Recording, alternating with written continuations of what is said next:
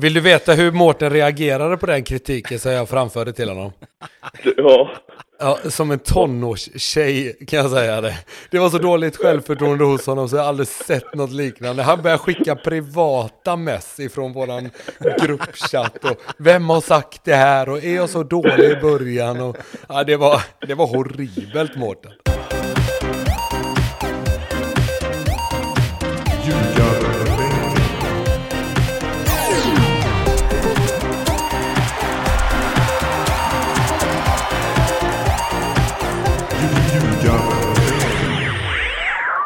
Ljugarbänken i samarbete med Betsson är detta och eh, Tobbe, du må inte vara något eh, någon ordning och reda på hörlurar-expert direkt. Eh, nu för eh, alla lyssnare så har det ju krång krånglat lite nu i början av inspelningen. Det är hörlurar försvunna, hörlurar kvar i två åker. Men skit i det, för du är ju kanske eh, världens bästa ASS-tränare just nu va? ja, eh, alltid ska man vara bra på någonting.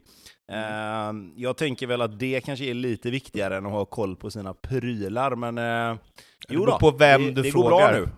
I och för sig. Det är ju lite... beror på liksom vilket... Det påverkar ju olika personer i ditt liv, tänker jag.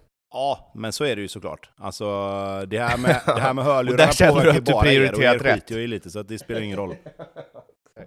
Exakt. Men eh, berätta, vad är det som går så bra? Med hörlurarna eller med tvååker? med två åker? Nej, men vi, vi gör eh, väldigt mycket bra saker bara just nu, så här klassiskt tränarsvar. Eh, nej, men vi har fått lite självförtroende in i gruppen. Alltså, de har ju varit eh, de har ju varit ett lag som har varit stabila i ettan eh, de senaste åren egentligen. Och nu har vi tagit ett steg till och börjat tro på det lite. Och vi har försökt att intala spelarna lite grann och de har väl även själva försökt att liksom höja nivån ett snäpp i, i, i, alltså det, i det mentala och i tänket att Tvååker faktiskt kan vara ett topplag på riktigt. Eh, och nu senast mot Oskarshamn så tycker jag att vi visar det på ett bra sätt. Det är en hemmamatch på, en, ja, på ett Överrevir då på hemmaplan som eh, inte bjuder upp till något vidare skönspel, men då, då anpassar man och, och, och spelar på det gamla hederliga tvååkersviset med, med lite, lite rakare spel, mycket dueller och vi vinner egentligen alla dueller i, i hela matchen, vilket gör att vi till slut vinner matchen ganska komfortabelt med 3-0. Så att det, det har varit en bra blandning när vi åker och spelar på konstgräs, så, så löser vi det på ett bra sätt. Och, och det här är en helt annan typ av match och där är Tvååker starka och där ska vi vara starka. Så att det är ja, jättebra start. Det är inte helt lätt att hitta tabellen på eh, sajten, alltså er sajt. Nej, men eh, det finns ju... Det, det är ju en googling bort det. Om du söker på ettan södra så tror jag att du hittar den med, med dagens internetklimat. Men, men ni vill inte fokusera på tabellen på, inom klubben, så därför ligger den inte på hemsidan? Nej, nej, nej, nej, nej. utan vi, vi, tittar, vi tittar inte på tabellen förrän i omgång 20, så här smart som man brukar säga. ja, klassiskt. Eh, Pontus, vilket är ditt lag om vi ska ner i divisionerna?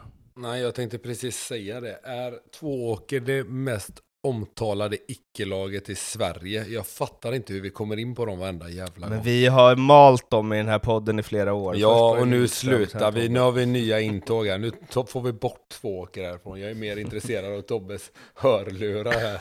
Fadäs nu på morgonkvisten som har fått upp han i varv direkt. Det är helt fantastiskt att få börja dagen så faktiskt. Och sitta här på ja, en bit ifrån och veta att han, att han springer runt där i sitt hu- hus och yrar efter sina jävla hörlurar. Man måste ju också, jag tänker du ska in och låna hos grannen. Alltså vad förvånad man hade blivit om man var granne med dig och sen så skulle du in och låna ett par hörlurar. För det känns, är det första gången? Ja, som jag lånar hörlurar, ja.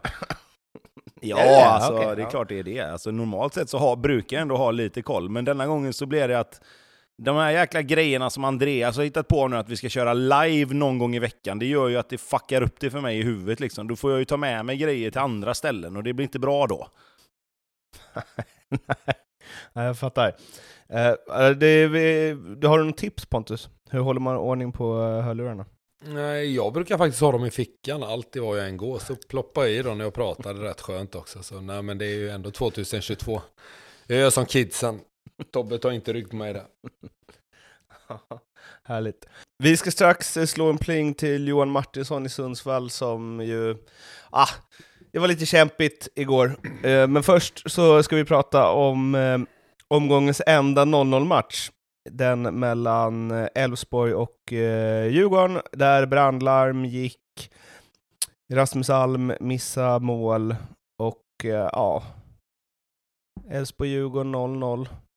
Mm. Kunde man väl inte riktigt se innan? va? Det var inte det match det skulle bli lite mål i? Ja, framförallt så kändes det som en match som skulle sluta kryss på förhand tycker jag. Eh, tror att båda lagen är rätt så nöjda med det. Eller kanske Elfsborg hade velat ha med sig en trea. Men för Djurgården var det ju viktigt att få, få med sig en pinne här med tanke på deras säsongsinledning. Mm. Och Alm kämpa på. Ja, kämpa på. Nu låter det som att han har varit dålig innan. Eh, Han har väl snarare haft en otrolig utdelning innan. Så det var på, på tiden att han fick missa någonting. Men vi, man kan ju inte missa den, väl? Eller ju. Klassisk, klassiska kommer lite fel i steget där ändå. Han får en liten, liten, liten, liten puff i ryggen där och så. Fast det värsta är att han försöker liksom kolla upp mot domaren efter att gestikulera när man har bommat den där. Då vill man, ska man ju bara gå och gömma sig någonstans, inte vet jag. Krypa under konstgräset på något jävla vänster. Han är ju ändå där ute vid kanten.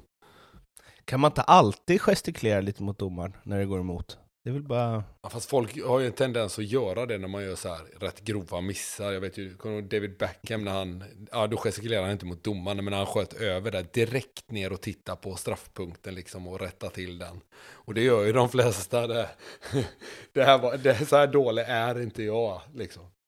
Det är gött om man gör det när det är konstgräs ändå. Jag tror att de, vi måste kolla det nästa gång de missar en, en, straff grovt på konstgräs. Då vill jag se det. Jag lovar att de eh, börjar titta ner på, på mattan. Att man går fram och stampar på straffpunkten. Jag gillar det tror jag. Alltså om man kommer helt ren, ingen spelar i närheten, så bredsidar man den utanför. Då tycker jag att man ska vända sig om och gestikulera mot domaren. Bara som så här, alltid skylla på någon annan. Eller börja bråka med någon lagkamrat eller något sånt. Ja, men vi kan väl bara sammanfatta det med att, lite som Pontus sa där, att jag tycker det är, det, det är två lag som kan vara nöjda med en poäng, men jag tror också det är två lag som hade velat ha tre poäng och inte är riktigt nöjda. Så får ni mitt 1, kryss 2 för idag.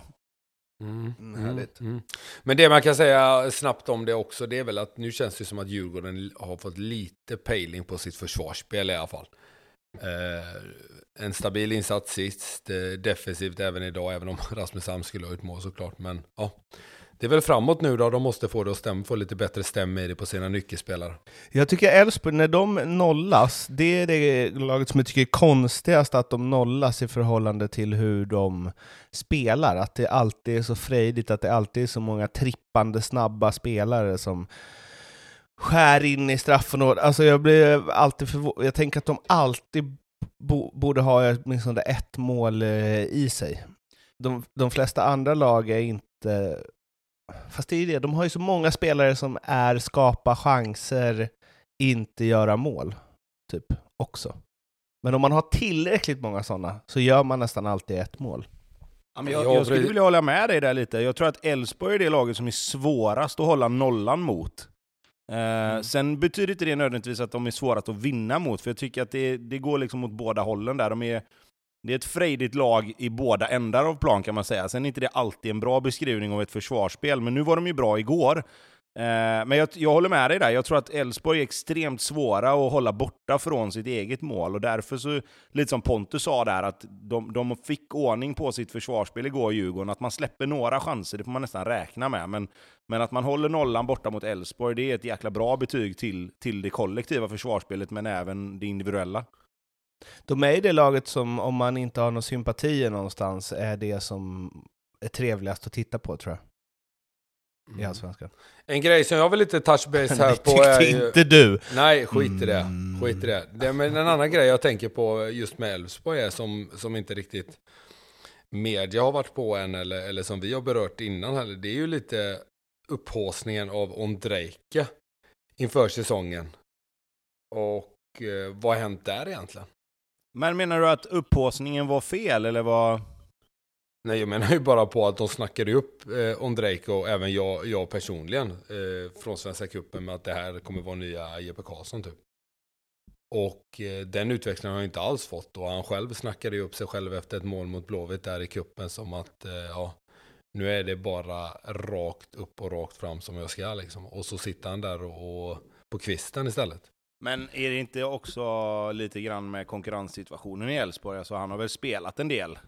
Men, men det Jo, handlar jo, men om det- att vissa andra spelare, liksom, typ som Rasmus Alm, var väl lite grann Alltså Jo, reserv jo, visst, innan jo, jo, visst. säsongen. Jag vet inte hur man ska visst tänka kring honom, men sen när han har gjort det så pass bra som han har gjort så, så är det klart att det är svårt att hålla honom utanför. Och de har ju, det är ju Bernhard som kommer in och gör det bra oftast. De har Ondrejka, Ockels var ju bra förra året och också fått sitta bänk lite grann. Så att jag tror snarare det handlar om att de, de tar de tre längst fram som är, som är bäst för dagen. Liksom. Och då är det, ibland blir det Ondrejka, ibland blir det Ockels. Alm har ju gett sig själv en chans att få spela från start rätt mycket nu, så att det är väl snarare en konkurrenssituation än att han har varit dålig egentligen, tycker jag. Eller? Jo, men jag fattar ju att det givetvis är en konkurrenssituation, men det är mer för mig att jag hade så jävla höga förväntningar på honom efter att ha sett honom här i inledningen av Allsvenskan och i cupen. Alltså jag tänkte, nej, det här kommer ju liksom, han här säljer dem i sommar, men jag tycker inte riktigt det, han har fått det, den starten än. Det kan ju givetvis ändras, men det, nej, jag, jag tycker att eh, jag hade förväntat mig mer utav Ondrejka så här långt, det får man ändå vara god att säga. Slarvig tanke nu från mig som ni får skjuta ner eller hålla med om, men det är ju också lite med de här spelarna i Elfsborg att de är rätt eh, lika varandra. Alltså jag tänker att eh, Per Frick sticker ju ut i offensiven, men annars så om man inte sitter och liksom gnuggar Elfsborg varje match ut, in och ut så är det ju liksom man, ja, det är ju typ samma. Ja, Eller? men det, där, det är nog ingen, ingen slarvig take du har där, utan det är väl sättet de vill spela på och sättet de har byggt hela föreningen på, I guess. Eh, Mm. Men de är det- så lika liksom. jo, men deras, deras, deras, deras ytterforwards är ju sjukt bra att gå i djupet och det är ju som sagt, det är ju från, från tränar och föreningshåll, antar jag, Eh, att man vill ha den typen av spelare på de positionerna. Och, Jo, men vilket gör ju i konkurrenssituationen eh, antar jag att om en spelare av dem då är bra, då finns det liksom inget så här, ah, vi, slä, vi slänger in den här istället så får vi något annat. Utan det är bara så här, okej, alla spelar likadant, den här är bäst just nu, så han spelar. Ja, alltså det jag, jag tycker snarare det är en styrka att man har en så tydlig idé att, och att man jobbar med det och att man har flera spelare på den positionen. Att, om man säger att Ondrejka skulle få den utväxlingen och bli såld i sommar, men då skickar man bara in nästa i ledet på den positionen som vet exakt vad han ska göra. Då är det likadant som Ondrejka gjorde innan. Så jag tycker bara det är snarare en styrka att ha det, det tänket och den tydligheten så att alla vet vad som förväntar sig av dem. Sen så är alla olika ändå. Men just i Elfsborgs fall så tycker jag väl att de är, de är, det är väldigt tydligt där i alla fall att de har en väldigt tydlig idé.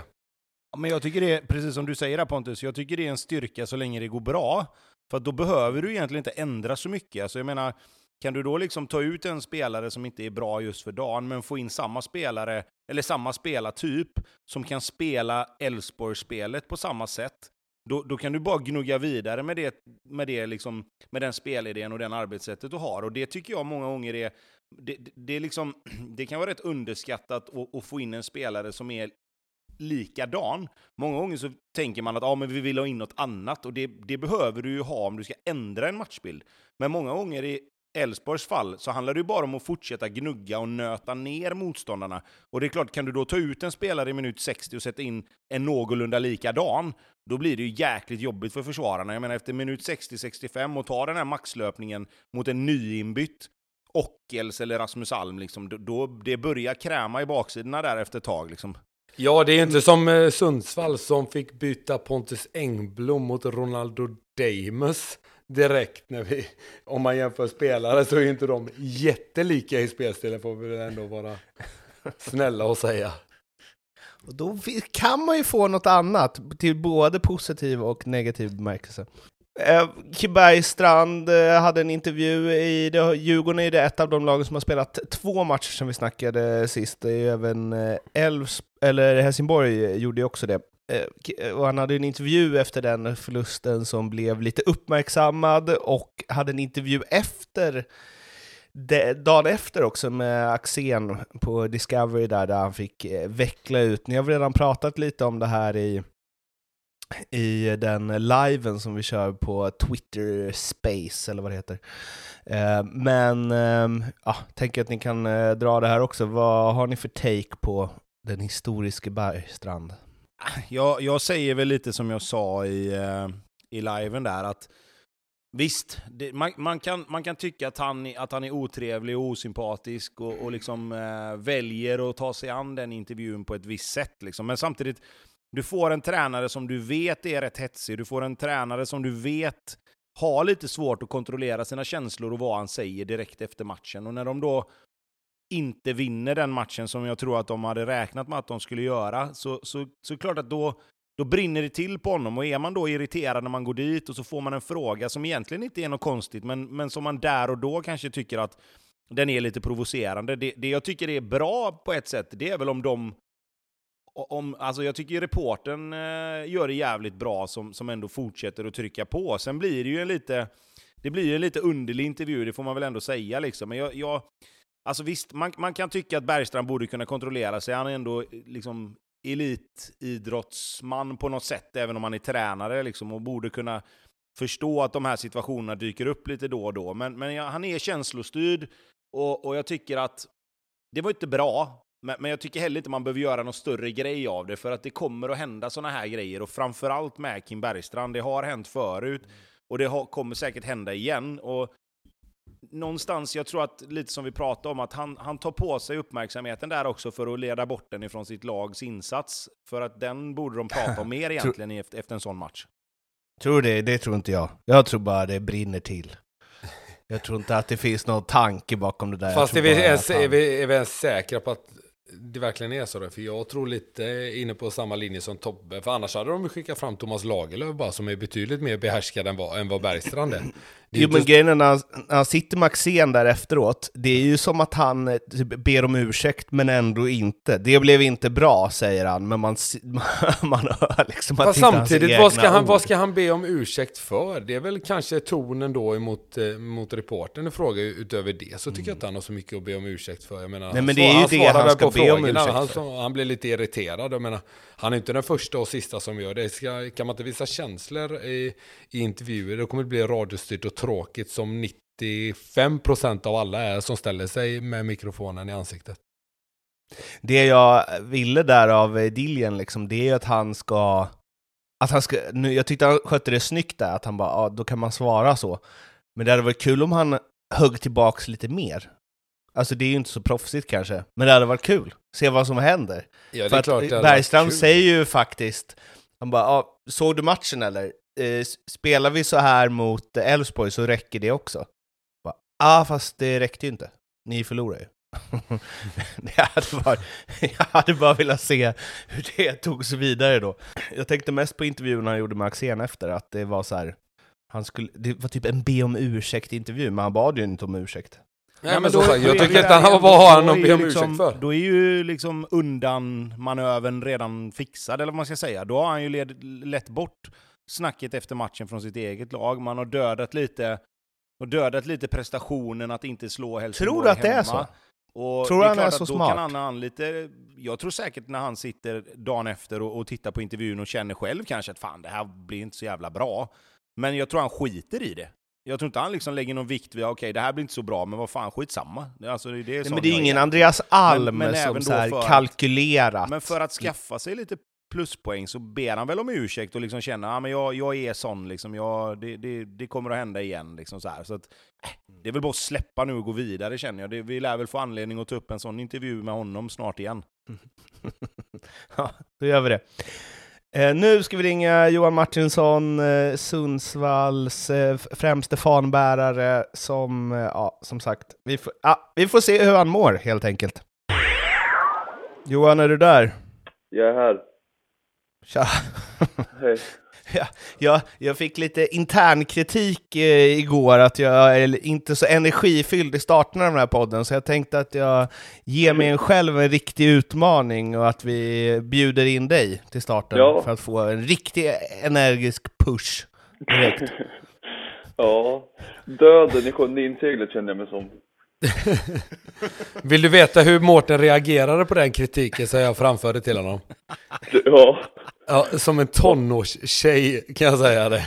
Det var så dåligt självförtroende hos honom så jag har aldrig sett något liknande. Han började skicka privata mess ifrån våran gruppchatt och vem har sagt det här och är jag så dålig i början och ja, det var, det var horribelt Mårten. Vad Men det är någon som ens inte- något? Det är någon som inte är van, inte trygg i sig själv och inte van vid kritik. Ja, nej, Så- nej. Ja, får be Betsson var- pröjsa en terapeut till det. Jag var liksom, eh, jag var Sundsvall sista kvarten var jag. Ja, det var du. Sta- Riktigt Statyer jävla- till och med. ja, sista tio. Jag tänker att eh, såg eh, Degerfors eh, Abdul Saidi eh, Mm. summerade ju med tre mål på tio minuter, fuck alla. Det skulle ju du också kunna summera det med, antar jag. Ja, eh, absolut. Fuck alla var ju väldigt sympatiskt. Eh, men eh, ärligt, vad, alltså, vi sa ju det att vi kan ju inte bara ringa upp dig när ni vinner. För Nej. Vi tycker att det är trevligt att ha med dig här. Eh, Exakt. Det är så ofta som vi gör det så att det är skönt att få ringa på en förlust en gång. ja. Eh, men eh, ja, som den klassiska, den mest klassiska av journalist, eh, sportjournalistfrågor, som jag känner ändå är på sin plats här. Ehm, hur känns det? Uh, ja, men solen gick inte upp idag heller. Som det verkar. Det, alltså jag, jag, jag gick in och kollade på sociala medier nu lite grann. Några GIF-kamrater som också var så här, vad fan är det som har hänt? Eh, har det hänt på riktigt? För att jag tycker att vi är helt överlägsna i 80 minuter i stort sett. Överlägsna, men alltså vi är mycket bättre än dem. Vi mött korplag liksom. Eh, och sen bara faller allt. Och det, det är det här som händer. Det finns inget stopp när det väl börjar. Jag vet fan Det inte går- jag känner. Döden. Ja, men det är väl lite så här, finns det en eh, väg att eh, förlora så hittas den. Mm, lite så. Men det kändes liksom aldrig, det fanns liksom ingen varning innan det hände riktigt heller. Det bara, där, allt klappar ihop bara. För att jag tycker vi har ju boll, eh, så länge vi har boll så, så eh, tycker jag vi har kontroll på allting. Men alltså, ja Ånstrand, han är för rolig. Han säger ju i tidningen att han hade bestämt sig innan 2-1 målet för att han skulle gå ner på alltså 3-5-2 backlinjen igen. Eh, det för att han inte hade förlåtit sig själv. Eh, Alltså min och- snabba analys Johan av den här matchen, eller förfallet, det är ju lite som du är inne på här, hur de dominerar i 80 minuter. Och 2-0 är ju faktiskt i underkant. Det är ju egentligen enbart Ronaldo Damus som ja, fixar att det bara är 2-0. För att hade Engblom Ja. varit på mål så hade den där matchen varit, varit stängd till 3-4-0. Eh, Ja.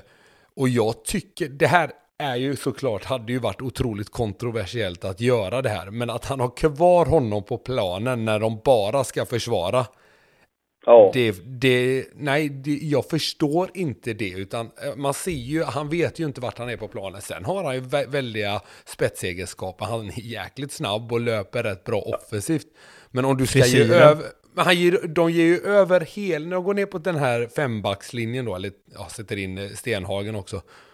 Mm. Då är det något så här, då ger de ju över allt initiativ till, Ja, till, till Degen. Som de inte ens behöver göra, för de har spelat ut dem. Det finns ingenting som tyder på att Degen ens ska, ska göra ett mål. Men direkt när de får in den där 2-1 så är det det, det härdsmälter hos alla. De, det är så dåligt försvarsspel. Det får ju liksom Degens 6-0 där att nästan se ut som bra försvarsspel kontra vad det Ja. var igår. Det är det som är så sjukt för att jag tycker inte ens att Degen ger sken av att vilja ha boll. Eh, Nej, innan. nej, nej, Liksom, Nej, de är rädda för bollen. De vill inte ha den. De vill bara torska den matchen och åka hem och lägga sig. Ja, ja exakt så.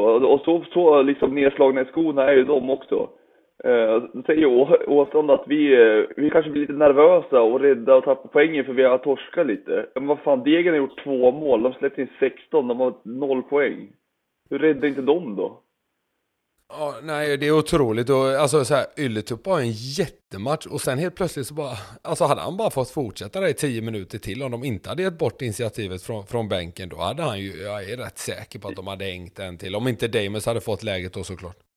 Ja, ja alltså, alltså det första som händer när han kommer in också, han tittar på Pontus Silver och så pekar han, alltså Pontus typ så här. "Ah, ja, gör vad du vill typ, och så bara pekar han upp en plan. så, jävla absurt. Eh, Men han, han har ju nå- någonting som kittlar mig ändå offensivt, får man ändå ge honom. Ja, ja, absolut. Alltså så här, kasta in en sån gubbe när du, ja, så som matchen såg ut, det är väl inte så farligt på det sättet. Men ja, ska du gå Nej. över på någon slags femback och ha kvar honom, då förstår jag liksom inte varför han är på planen. För då är han ju meningslös. Om du ändå inte ens har tänkt att kontra. Om du bara ska Nej. sparka iväg bollen, då är det så här, vad, vad händer liksom?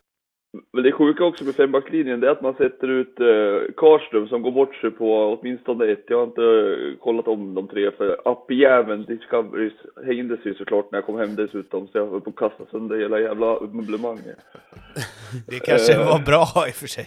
Men, ja, absolut. Ja, i och för sig då. Men alltså Karlström är ju, han är ju mi- mittfältare, offensiv. De sätter ju honom som wingback i den här 3-5-2an med Stenshagen som har gjort eh, fem minuter, eh, ja i slutet mot eh, Elfsborg när vi hade 1-1.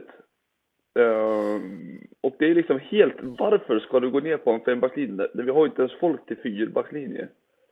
Nej, det är ju oftast det är ju problemet när man går ner det här klassiska, det ser bra ut på tavlan, du vet när de har sina sådana där små pluppar. Ja visst, här kan man ju inte göra mål, men problemet när man går ner på fembacks ibland, det är ju faktiskt att man blir lite mer passiv, att man langar över ansvaret på nästa mittback och sådär. Och det tycker Ja. jag man ser på målen. Det är ju, det är ju innermittfältarna som är nära att störa de här kanterna. Mittbackarna står ju nere på mållinjen bakom sin Mm. målvakt i princip.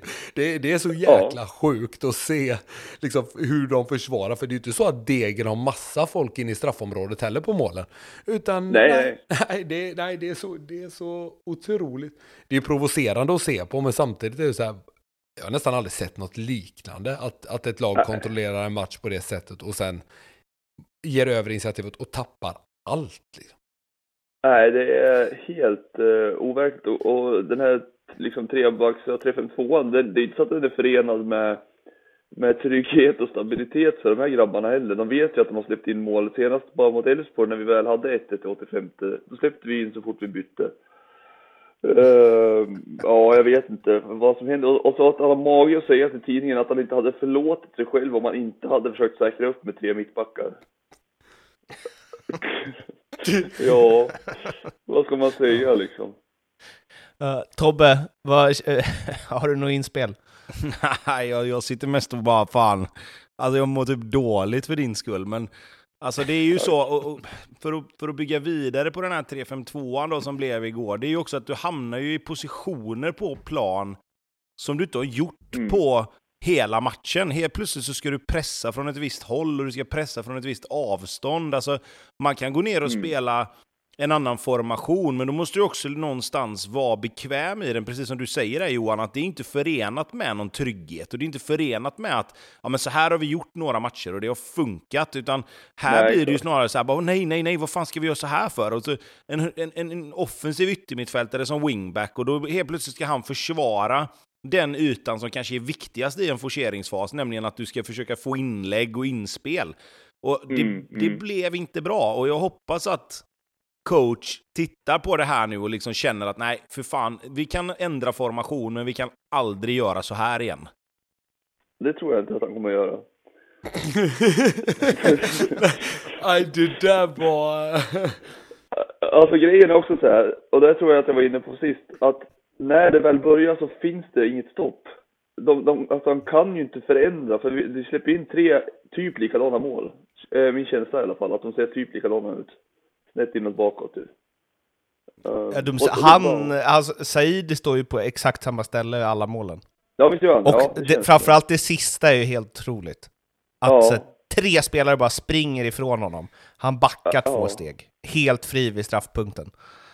Ja, alltså, och, och, och alltså det här laget vi mötte, alltså det är så, det är så dåligt så att det är, de är riktigt, riktigt dåliga Degen. Vi, vi ser ju bra ut. Men ni är lite, lite sämre. Ja, det är klart att vi är, innan, in- innan det är färdigt. Jag, var ju, jag, jag har skrivit lite stödanteckningar precis innan, in, innan där. Och då skrev jag så här typ, Degen kan ju inte bara sparka Marcus Birro och så här massa grejer. Jag fick ju kasta det efteråt, för det kan ju vara exakt den här lilla tändvätskan de behövde här nu. Eh, Ja, ja visst. Ja, de tar väl sex raka nu förstås. Nej, fast jag, jag tror så här, när man tittar på den här matchen igår, Alltså att, att Degerfors gör tre mål så sent, det kommer givetvis stärka deras moral något helt otroligt att kunna vända en sån match. Men det är ju Mm. mer en slump än något annat. Alltså, Ja, det, det, jag tror att absolut. de måste ju fortfarande sätta sig ner och titta på vad som hände 90% av den här matchen. För, för Mm. med all respekt till Sundsvall så blir man ju rätt utspelade mot ett lag som också har haft problem. Vilket gör Ja. att prestationen i sig är ju egentligen inte bra, om du bortser från de sista 10 minuterna givetvis. Och det är klart att som jag sa där, det är ju en moralhöjare om något att kunna vända en sån match. Men, men frågan är ju vart de tar vägen härifrån. För fortsätter de att spela som de gjorde de första 80 minuterna, så tar de ju inte en poäng till i år. Nej, och Men så, det blir inte lite sminka över en gris då? Att man tänker så här, fan vi har något ändå. Alltså det Jo, gäller ju, det är ju nästan bra för Degerfors att åka på en ordentlig förlust nästa omgång. Så att de är ja men jag, jag tror verkligen en det. För att jag vet inte vad de hade för plan med den här matchen. För de gick ju ut och bara så här, ja, lät oss ha boll. Och när vi ändå gör 1-0 och sen gör 2-0 så det är inte så att de tar initiativet då heller. Det är ju när vi är borta i slutet som de liksom kan skapa någonting. När, det går inte Ja. att inte ha initiativet. Och ska man vara helt- bara, Nej, här, nej, exakt. ta det, ta det. Ska man vara helt ärlig, då- det är ju inte så att de spelar bra för att göra de där målen. Du vet, det är lite halvdassiga, överlånga inlägg och så här som... Ja. Nej, det, vet, det, det, det är liksom inte ens målchanser. Det är rätt dåligt gjort, men det, på något sätt så hittar Giffarna ett sätt att göra det ännu sämre i sitt försvarsspel. Ja, det- och, ja, det är ofattbart. Två backar står ju också, det avslutet, det är inte så att han dammar in den i krysset heller. Det är ju några strumprullar i hörnet, där det står två man som liksom får lepra samtidigt. Det, Ni kanske ska ta in Marcus Birro då?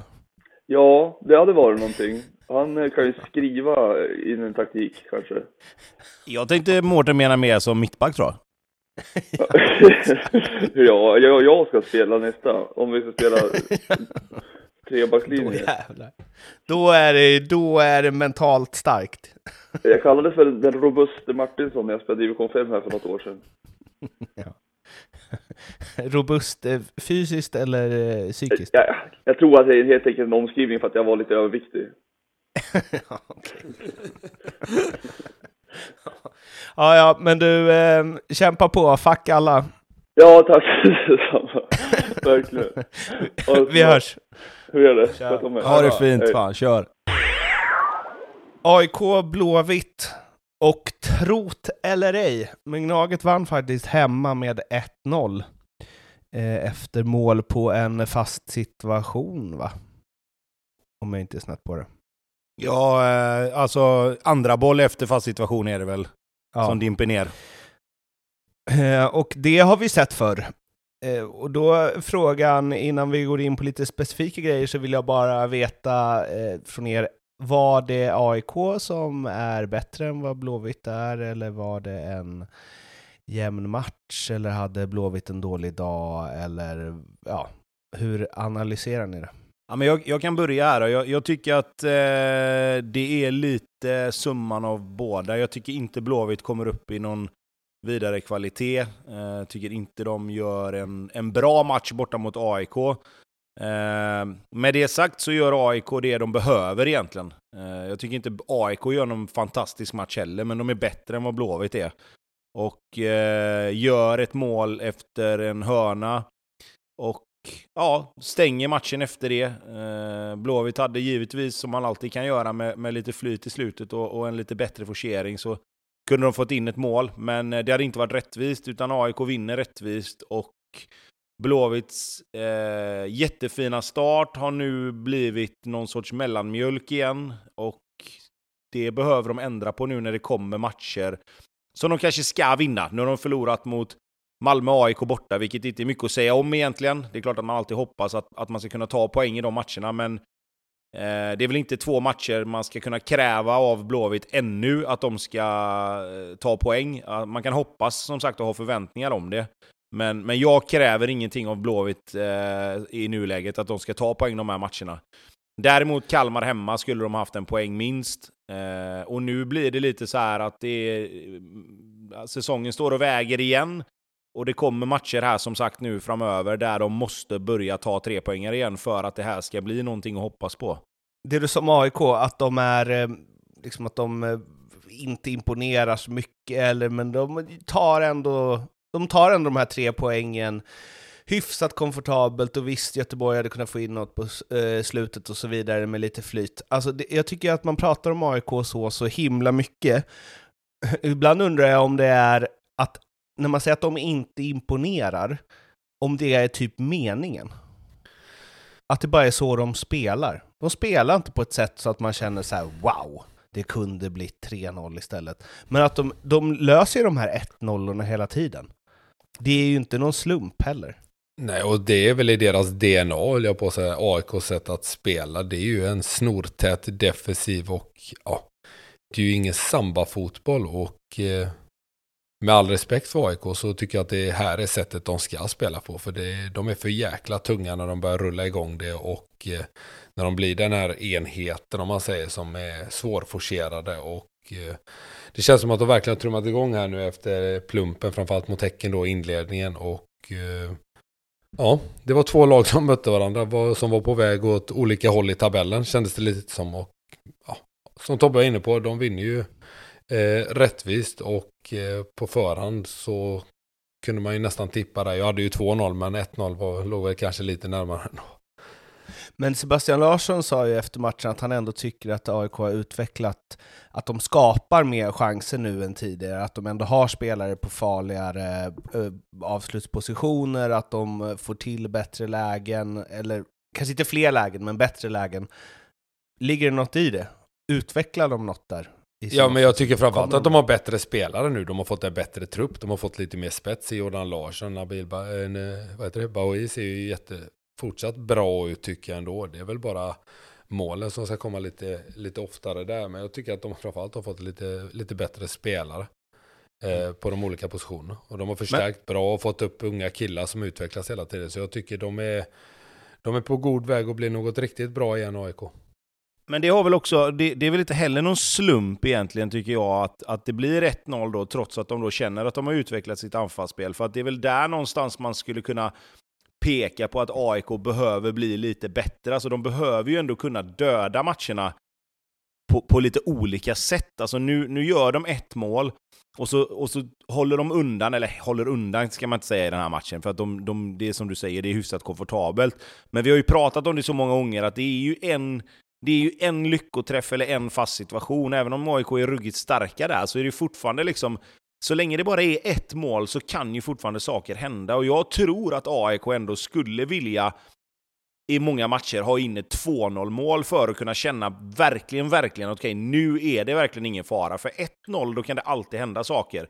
Även om AIK är otroligt Men det händer ju aldrig. på att städa undan även 1-0-vinster, så är ändå, ja. gör man 2-0, då är det ju dött på riktigt. Liksom. Alltså, då tror ju inte ens motståndarna på det, för då är det inte den här lyckoträffen, utan då måste, du liksom, då måste det till så mycket mer. Och, och, och där tror jag ändå att AIK har en utvecklingspotential i att faktiskt döda matcherna på att göra mer offensivt än vad de gör. Uh, för, för jag, jag, tror verkligen att det kommer behövas mot de lagen när de sen ska upp och tampas i den absoluta toppen. Liksom. Mm. Men du, det händer ju aldrig. Jag skulle med, jag håller, jag håller med de, dig Mårten. in det där målet. Nej, jag håller med dig Mårten. Det känns som att de har en arrogans och ett eh, storkukslugn där liksom som gör att de är inte ens rädda för att släppa in mål, även om de leder med 1-0. Utan, men visst Tobbe, du har rätt i att de måste utveckla, utveckla den delen och döda det. Men det känns ändå som att de är så sjukt lugna när de leder med 1-0 och vet att det här löser vi, vi reder ut den här stormen. Så kommer den forceringen, så kommer det slutet och ah. Nej, de, de känns trygga alltid. Jag tycker det, det är nog det laget jag imponeras mest av när de är i ledning i Allsvenskan. Och på tal om spetskvaliteter offensivt så blev det ju klart nu. John Guidetti ansluter i juli. Nu ska det väl mycket till för att Jordan Larsson ska förlänga, vad har han, 12 matcher eller något? Förlänga det. Om de lyckas ha kvar honom så är det ju ett eh, grymt eh, allsvenskt eh, anfallspar. Och ja, utan Jordan är det väl också bra.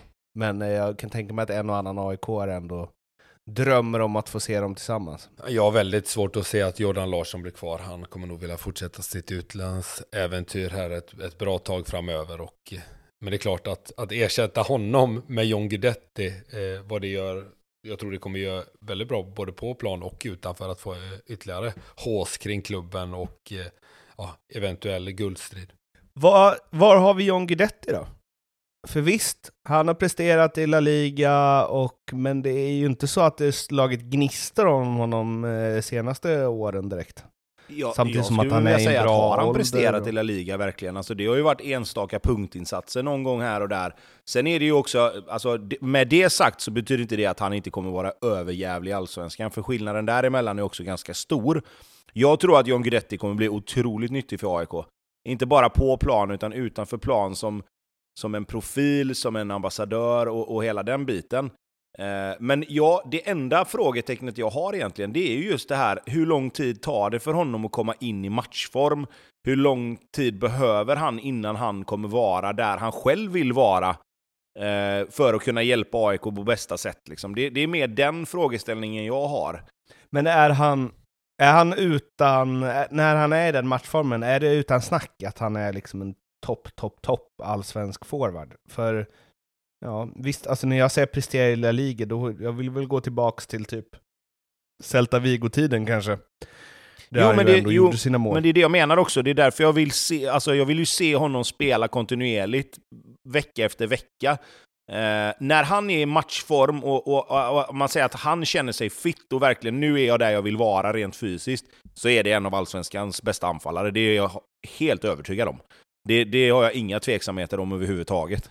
Nej, det tror jag också faktiskt. Och eh, det som är bra med Guidetti också, som man ändå får som man måste ha med sig, det är ju att han är relativt ung än så länge och inte har så många mil på kroppen med tanke på hur hans, eh, hans år har sett ut här på slutet. Så jag tror att han kan hålla riktigt länge också när de väl får igång honom. Det känns som att han har skött sin eh, träning genom åren, och att han är väldigt eh, noga med de där grejerna. Så ja, det är väl inte, om man inte drar till eh, arabvärlden så känns det väl som att han eh, skulle kunna gnugga på 5-6 år i Gnaget, om han är sugen på det.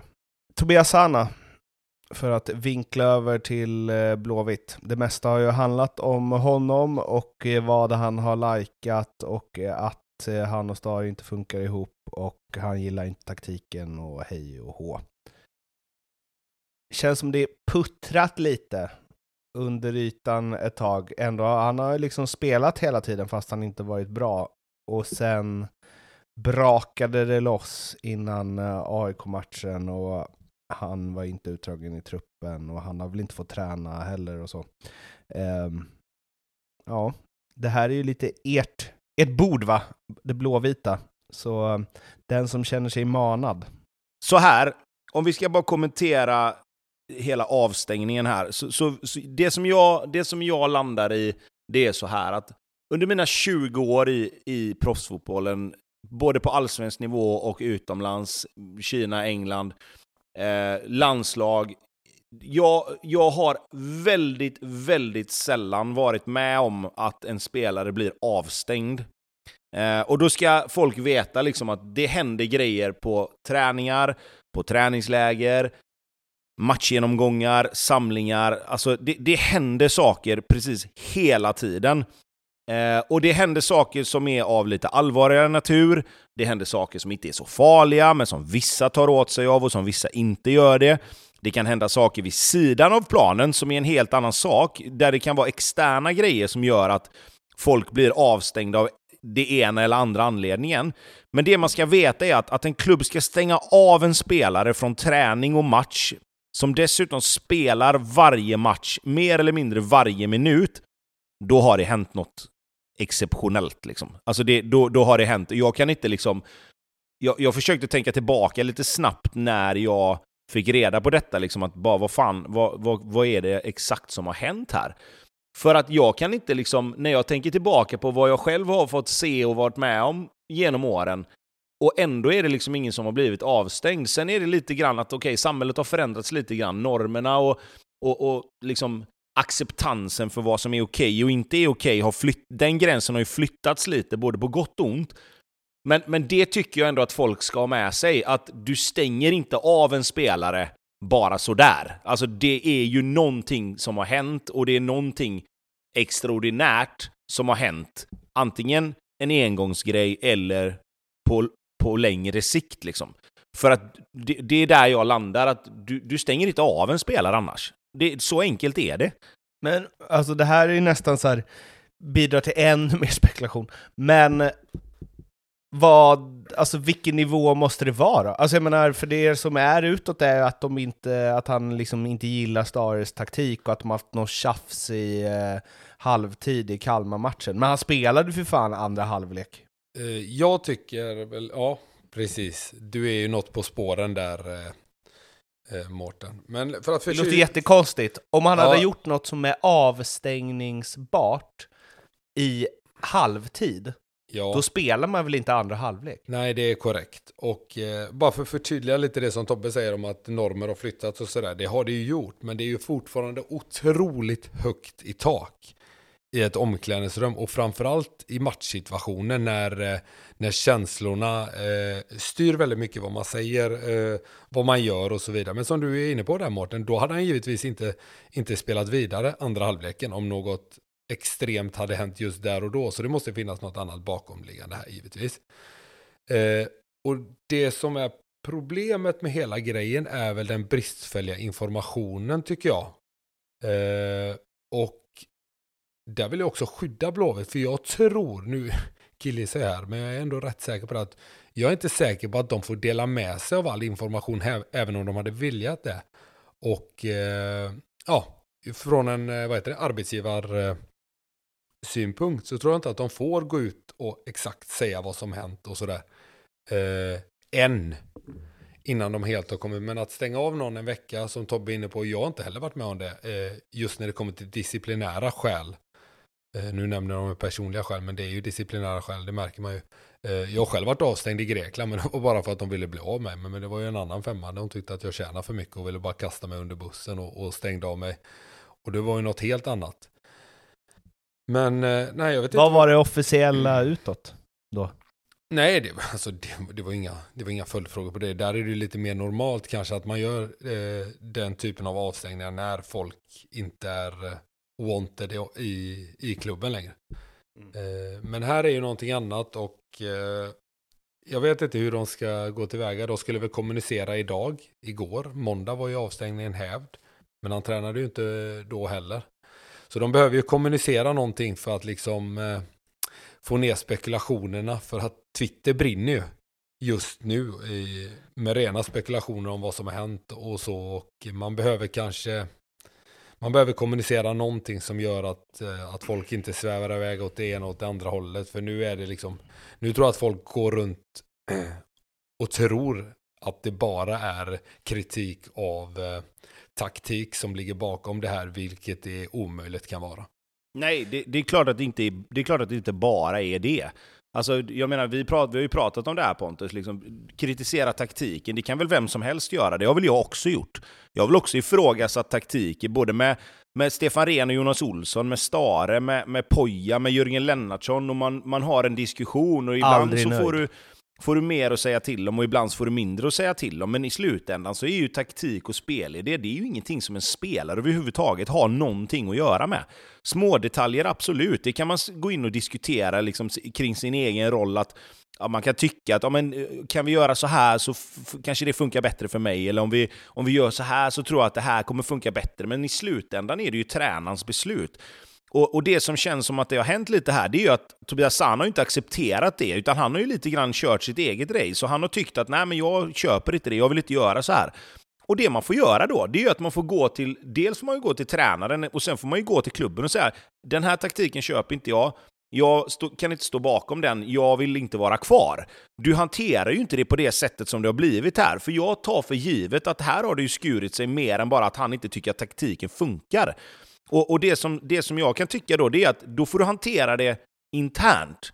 Du går ju liksom inte, det, det, det, får liksom inte bli det får inte bli den här situationen som har varit nu, för oavsett om man tycker att det är liksom småsaker eller inte, det är inte småsaker. Det är inte så att Tobias Sana har gått in till Micke Stare i halvtid och sagt att jag gillar inte din taktik, jag tycker den är kass. Du blir inte avstängd för en sån grej. Och Nej, så grejen är, är det. Tobbe, så här är det Ja, du är ju helt rätt på det. det hade det bara varit det så hade de bara tagit bort honom i matchtruppen. Och, och bänkat honom eller satt honom på läktaren och inte pratat med honom och frysit ut honom. Eh, som alla gör när man inte är nöjd med en spelare. Eh, stänga av krävs något eh, betydligt, eh, betydligt större. Och nu lämnar vi väl upp lite för spekulation också. Men jag hoppas ju att någonting kommuniceras snart så att det kan bli slut på spekulationerna. För att ja, fans gillar att spekulera. Vi är själva fans eh, numera. Och eh, det kan ibland vara rätt så farligt att göra det när man inte har någon information överhuvudtaget som har, ja, eftersom att det inte har gett sig i det här fallet. Om vi går på det vi vet då. Han likade en kommentar på IFK Göteborgs officiella konto efter förlusten mot eh, AIK. Så kommentaren som någon skrev var ut med idioten Stare. Mm. Vi snackade ju om... Ja, eh, vad heter vår favoritmålis? Som eh, lämnade Sundsvall. Oskar Linnér. Yes. Eh, hur det är när han glider in på frukosten dagen efter att ha sagt det han har sagt i media och så. Alltså om man är 32 år som Tobias Anna, man har spelat landslag, man har varit ute i Europa, man har varit liksom i topplag i allsvenskan. Hur kan man göra så? Uh, ja, du ska Nu får man ju också ta det rätt ordning. Det här skedde ju efter att han blev avstängd, om jag inte har Ja. fel va?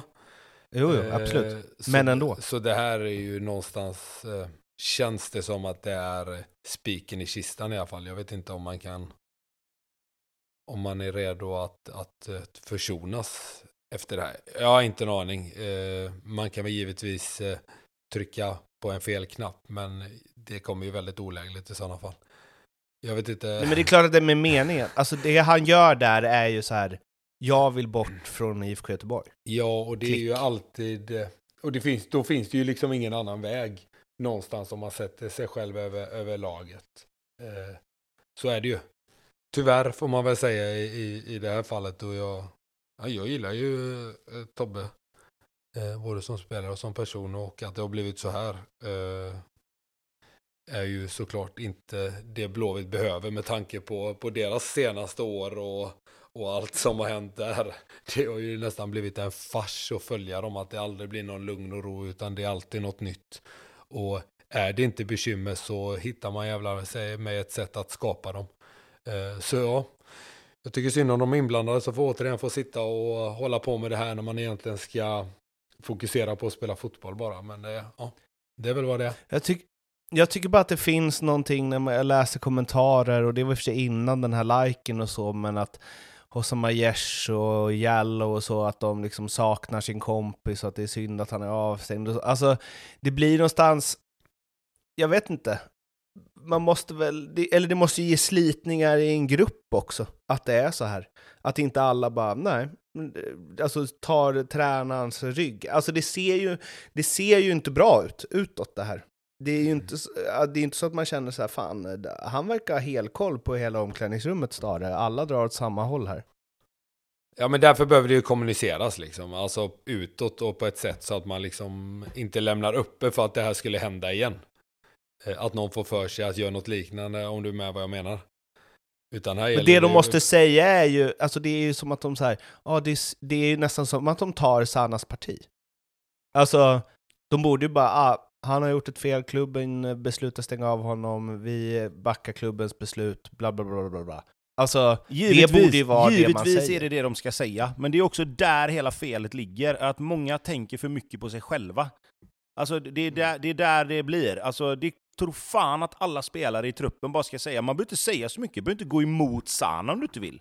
Men du får ju säga att okej, ja men klubben har stängt av honom, eh, utan att säga för mycket så, så liksom, jag vill inte kommentera det mer än så. Men du kan ju inte gå ut och, och ta Sanas parti i det här, för då sänker du hela klubben och du sänker tränaren. Sen om de tar Sanas parti internt och liksom sinsemellan gör det, det, det är väl, de skyddar väl sin kompis, det ser jag inga problem med på det sättet. Men det här blir ju samma sak, då går liksom jaget före laget och, och klubben sätts i skiten på grund av en, en situation som har varit säkert under en längre, under en längre period. Och, och jag menar, det är klart att det är klart att man får tycka olika om taktik, om arbetssätt, om sättet att spela. Men i slutändan så är det ju tränaren som bestämmer. Och gillar du inte det, så ta dig någon annanstans. Sköt det på ett snyggt sätt. Säg jag, jag, jag vill inte spela så här, jag tror inte detta passar mig. Kan vi snälla få en lösning på det? Och så, man, så får man lösa det på det sättet. Det här är ju det absolut sämsta sättet. Det konstiga är också att Sana, det hade varit en sak om Sana hade gjort 15 baljor och helt dominerat i Blåvitt de senaste två åren. Men han har ju, han har ju inte varit speciellt bra i år heller. Alltså det blir på något sätt konstigt att säga, och det taktik, om det nu, alltså nu säger ni att det inte är bara på grund av att han inte gillar taktiken. Men vi kan väl utgå ifrån att han heller inte gillar taktiken då. Alltså, men det blir ju märkligt. Alltså, ja, jag vet inte. Det känns som att det är så jävla det är liksom inte värt det för Blåvitt att ha en spelare som inte ens är deras klart bästa spelare, som börjar tjabba om att taktiken inte passar honom och dessutom, nej, det, är, det är som du säger Tobbe, jag får känslan av att det är väldigt så här, jag, jag, jag. I, I ett lag som inte är tillräckligt bra för att man ska kunna vara jag, jag, jag i. För ska Blåvitt ligga övre halvan, då känns det som att alla måste dra åt samma håll. Men det, det, finns inget lag i hela världen som kan ha en spelare som bara tänker på sig själv. Alltså det spelar ingen roll hur bra du är. Till och med de bästa spelarna i världen, Messi, Ronaldo, visst, de har egon säkert. Haaland och de här. Men de rättar ju in sig efter vad tränaren säger. Annars Annars är det ju en, en, eller som till exempel då med Messi och Ronaldo, så handlar det om att man har en diskussion. Jag tror säkert Messi har fått vara med och bestämma rätt mycket när han spelar i Barcelona. Men då är det ju fine. För att då är det ju någonting som är överenskommet. Här är det ju inte det. Här är det ju en spelare som tycker att han ska ha rätt att, att få lägga sig i och tycka till på ett sätt som uppenbarligen inte har varit okej. Okay. Och då blir det ju heller inte okej. Okay. Vad måste man göra som klubb för att inte öppna för sånt här? Eller vad man ska säga. Som jag sa innan så vet jag inte hur mycket man får säga. I och med att de har ett ansvar också. Eh, gentemot spelaren som är anställd under dem. Så jag vet inte riktigt hur mycket man får eh, säga. Men med det sagt så tycker jag man ska kommunicera så mycket man bara kan eh, i just ett sånt här specifikt fall. För att, att lämna det uppe för spekulation och med tanke på hur klimatet är eh, ute bland supportrar och sådär så tycker jag att eh, inte respektlöst, men eh, ja, Nästan. Eh, man behöver berätta vad som har hänt och varför inte. Det är väldigt, jag förstår ju det här personliga skäl. Det är ju inte därför han är avstängd. På, på grund av personliga skäl, utan det är ju disciplinära skäl såklart. Eh, och mm. eftersom att man har stängt av en spelare, det är skillnad om han är borta och det är personliga skäl. Då tycker jag absolut, då ska inte ens folk då ska folk ge fan i att spekulera, för det kan vara vad som helst. Men om det är någonting som har hänt och så, så behöver man nog vara lite tydligare eh, ja, i just det här fallet tycker jag att man verkligen måste vara det. För det, det spekuleras hejvilt där ute just nu. Men, men jag tror men, så här också, ni, att, kan, det, kan det inte bara vara så enkelt att man vill hitta en lösning, och oavsett vad den lösningen blir, om det blir att han backar och får be om ursäkt, eller hur det än blir med, med vad, vad, som kommer ske, så vill man väl ha det klart innan man kommunicerar ut någonting. För då kan du också, då kan du också på ett sätt lägga ut hela kontexten i att vi, vi, leker med tanken att de väljer att bryta hans kontrakt i, i, liksom, tillsammans med honom. Då kan de båda två komma överens om att okej, okay, men då kommunicerar vi ut det så här. Och tvärtom, om de väljer att köra vidare och han, han känner att nej men fan, jag har betett mig illa. Eh, jag, jag ber om ursäkt och hela den biten. Sen hur det tas emot är ju en helt annan sak. Men jag tror att man vill väl ändå hitta ett avslut, oavsett vad det avslutet är, och sen kommunicera ut hela kontexten för att inte behöva portionera ut smådelar hela tiden och som sen då i sin tur leder till nya spekulationer. Men då måste jag, ni har ju spelat med honom eh, och vet och känner honom. Alltså, och ni vet vad det är för klubb och ni liksom känner Stare och Mild och så. Tror ni Tobias Sana kommer spela något mer i IFK Göteborg? Jag, jag tror inte det. Nej, hade det innan den här eh, Instagram-liken, ja, like-gate här, så trodde jag väl kanske att det hade funnits en möjlighet att, eh, att på något sätt eh, be om ursäkt och komma överens och ja, sådär. Men i och med det, jag vet inte hur man ska komma tillbaka till, till ett omklädningsrum när du inför öppen ridå eh, avrättar din tränare. Mm. Så länge han är kvar i klubben liksom. Det, jag vet inte. Det, det är svårt. Jag, jag tror nog inte det heller. Susanna har gjort sin sista match i IFK Göteborg, slår eh, ljugarbänken fast alltså. Och med det så ska vi ringa upp eh, Andreas på Betsson och eh, antar att vi ska prata om Bayerns bortaspel kanske eller något. Får vi, Eh. får vi ett odds på om Tobias Sanna blir kvar eller inte? Ja, ah, men det ska vi ju förstås ha. Mycket bra. Är det Bayernland? Hallå? Hallå, hallå. Hallå, hallå? Hur mår du? Jag mår bra, hur är det med vi har precis pratat Tobias Sana, så det är, eh, ja, det är kärleksfullt, mjukt. Liksom, Det, det är inte uppeldat. vi, du har ju blivit någon form av bayern expert Andreas. Mm. Det... Ibland är det roligare, ibland är det mindre roligt. Ja, Det jag, jag, jag tänkte säga det. Nu Ja. blir det väl upp till bevis här med, med första förlusten. Men ja, ska Det var kul vägen. att- det var kul att du inte fick vara med under liksom de alla segrar där. Det var, du hann med någon seger och var bayern expert Och sen så, sen dess har det, ja, ditt, ditt, alltså Bayerns facit under din bayern expert era i den här podden är ju, vad är det? En vinst, Det är ett, kryss. Ja, exakt. Men han var ju dock med om den bästa bortamatchen som ett lag någonsin har spelat i hela världen. Absolut. Absolut. Ja, ja, ja. ja. Ja.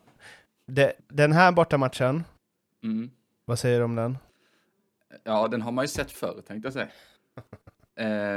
eh, nej, det var väl eh, alltså fullt, fullt rättvist att Kalmar vann, tycker jag. Eh, tycker Bayern de var, alltså, de var där, men ändå inte. Alltså, kollar man första målet så är det väl pausen som är en halv sekund för sen och sen är det Fenger som är en halv sekund för sen och sen är Sandberg ja, mer än en halv sekund för sen när han ska upphäva offsiden. Och andra målet är väl lite så att man tappar ett inkast på typ mittplan eller nästan till och med offensiv planhalva och sen så, så går det lite, går lite för sakta i backlinjen och lite för snabbt av Kalmar och sen så gör inte Sandberg jobbet och så är det 2-0 och sen så är det ju eh, över på något sätt känns det som. Det är lite, lite, lite forcering i andra. Men eh, inget som egentligen är speciellt nära någon gång tycker inte jag. Det är ju inte Djurgården mot Helsingborg-forceringen om vi säger så. Utan det var ju rätt lamt om jag ska vara ärlig. Men jag, jag fastnar mer på, alltså visst, inget superbra försvarsspel, men det har man ju sett förr från Bayern, alltså inte superbra försvarsspel. Mm. Jag fastnar nog mer på att de knappt skapar något. Ja. Ja, nej men alltså ja. Ludvigsson blir ensam där uppe tycker jag. Jag tycker Selmani blir ensam där uppe. Det blir liksom inte... Alltså kolla backlinjen. Det, man plockar bort Fenger, Magia måste skicka upp bollen efter att ha blivit pressad. Kalmar sätter pressen bra. Och sen så... Man hittar ingenting. De plockar bort liksom Sadiku som är länken upp till, till Besara Bojani. Jag har inte... Jahar saknas jättemycket där Paulsen i första halvlek inte kan liksom avlasta någon, någonting alls i uppspelsfasen och sen kommer Widgren och det, då är det lika illa igen.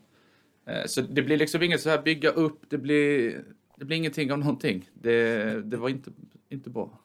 Alltså ordentligt uppkäkade i alltså pressspelet från Kalmar. Det kändes som att de in, inte visste vad de skulle göra. Ja, ja verkligen. Och så, alltså, som Rydström säger efter matchen också att tar man ledningen på en sån plan så, så är det ju skönt att planen inte är så bra. Eh, och så sa han att det var ju, vi fick ju uppleva det när vi höll mot Norrköping och skulle jaga.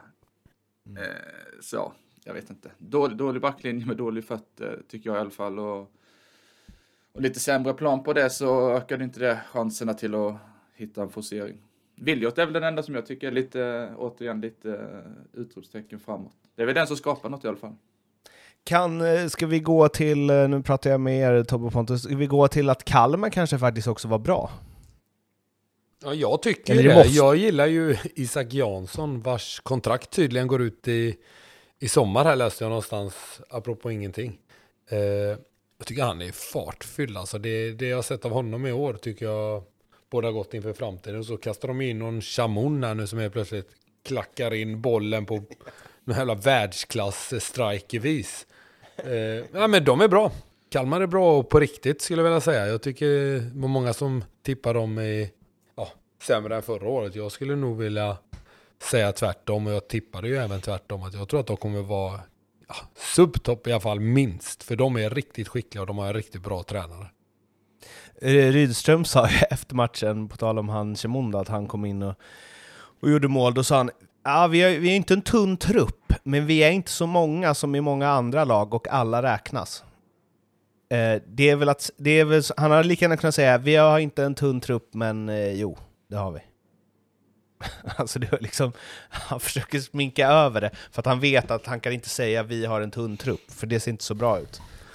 Men det är ju exakt det han säger. Ja, fast jag vet inte om Kalmar har eh, någon vidare press på sig att ha en, en bred trupp heller. Eh, jag skulle vilja säga Blåvitt, om vi kommer tillbaka till dem snabbt, har en betydligt tunnare trupp än vad, vad Kalmar har, fast man kanske förutsätter att de borde ha en bred trupp. Mm, oh. Men äh, det var, äh, vi, vi ska inte tjata det här Andreas, bara lite till. Mm. Men det är ju inte Sirius och Degerfors längre. Nej, verkligen inte. Och, och sen är det ju naturgräs också för den delen. Tyvärr så måste man ju nämna det också för det spelar ju uppenbarligen stor roll. Mm. Det gör det ju. Men så här då Andreas, jag... nu när du... Eh, vilka orosmoln har du? Sandbergs försvarsinsats den här matchen såklart, den är väl bara att glömma. Den är ju på andra sidan spektrat av eh, Glenn Hyséns Wembley-match kanske. Eh, men jag tänker på... Eh, ja just det här med, med målskörden då framåt, om vi ska beröra det igen. Det måste ju ändå vara lite oroande som bayern supporter eller? Alltså målskörden i sig är väl okej, okay, men, men om man kollar på att man ska ha någon form av långsiktighet och hållbarhet i den här, i den här serien, så är, där är det oroande. Jag menar, vi har Ludvigsson som knappt gjort något poäng, Selmani som verkligen inte gjort något poäng, har gjort en, en assist om jag inte minns fel. Mm. Det är ju ett problem, men, men samtidigt så diskuterade med lite polare efter matchen och så. Jag vet inte riktigt vad man ska göra heller om jag ska vara ärlig. För, för det finns liksom inget bättre alternativ där vi är nu. Vi har ju som vi tjatat om nu i några veckor här, Steve på väg in. alltså det vill eh. till att han är bra. Ja, Förväntningarna.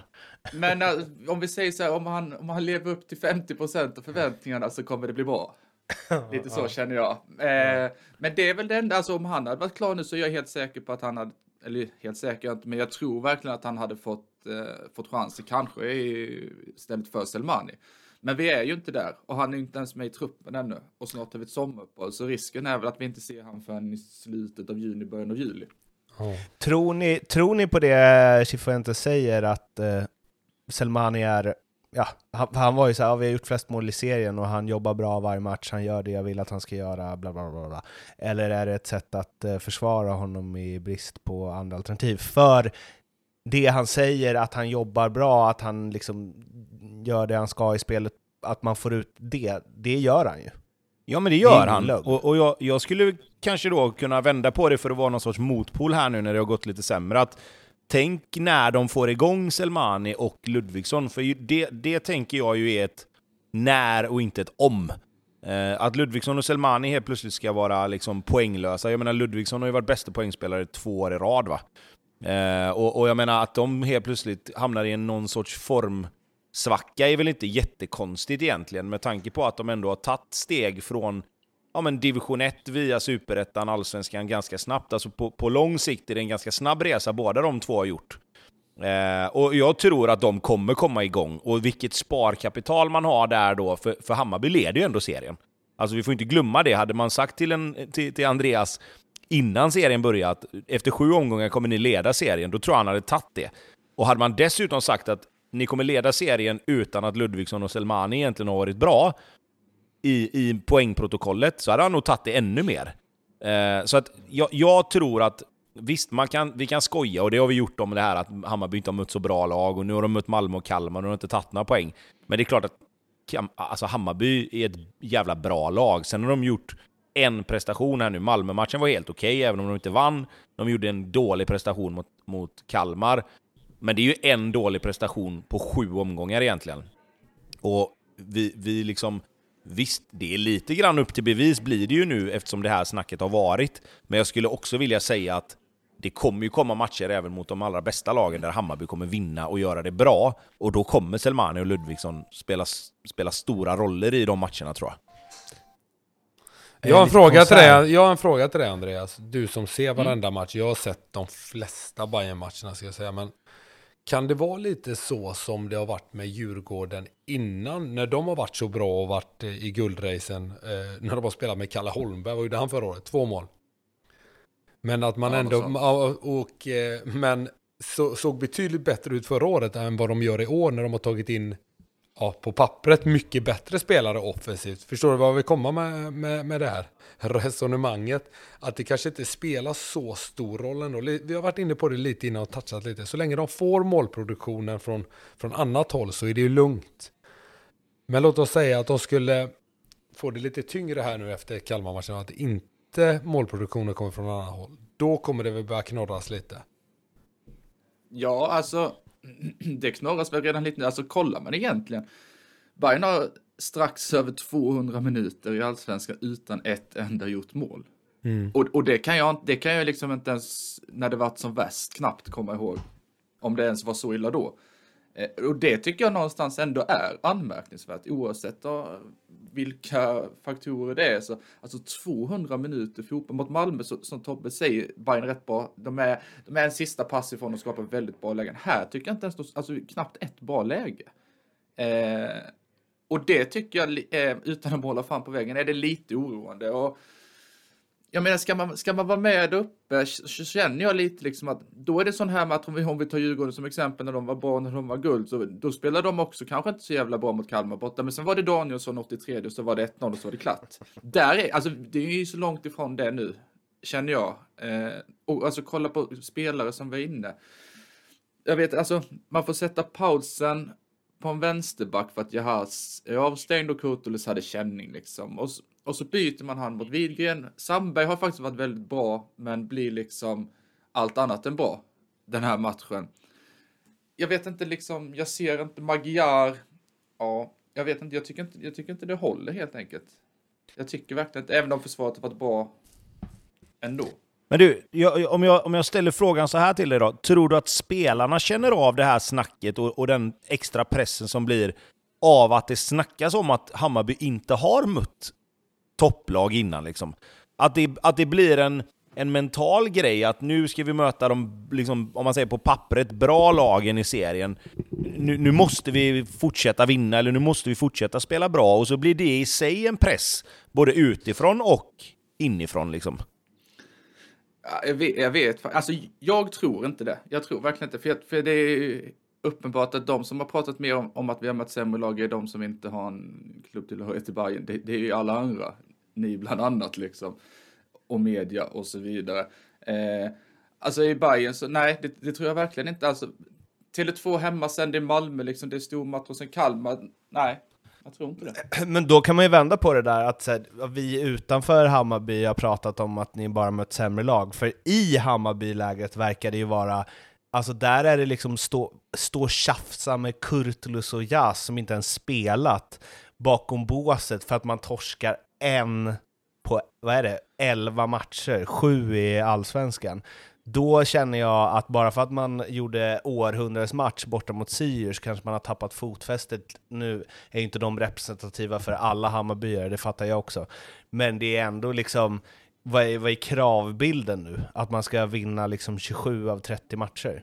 Ja, nej, men det är ju klart att det, kravbilden blir väldigt skev om det så. Nu ska jag väl också säga att det var väl, nu vet jag inte hur många det var, men det var väl ett fåtal, typ två, tre stycken och de tjabbade väl inte med Jahas och Kurtulus utan de, det var väl eh, några väl valda ner mot bänken som sen sa tillbaka och så satt väl Jahas där de, eh, där de var. Eh, så. så det var ju inte mot Jahas om det nu skulle förmildra någonting. Men ja, det är ju idiotiskt såklart på alla sätt och vis.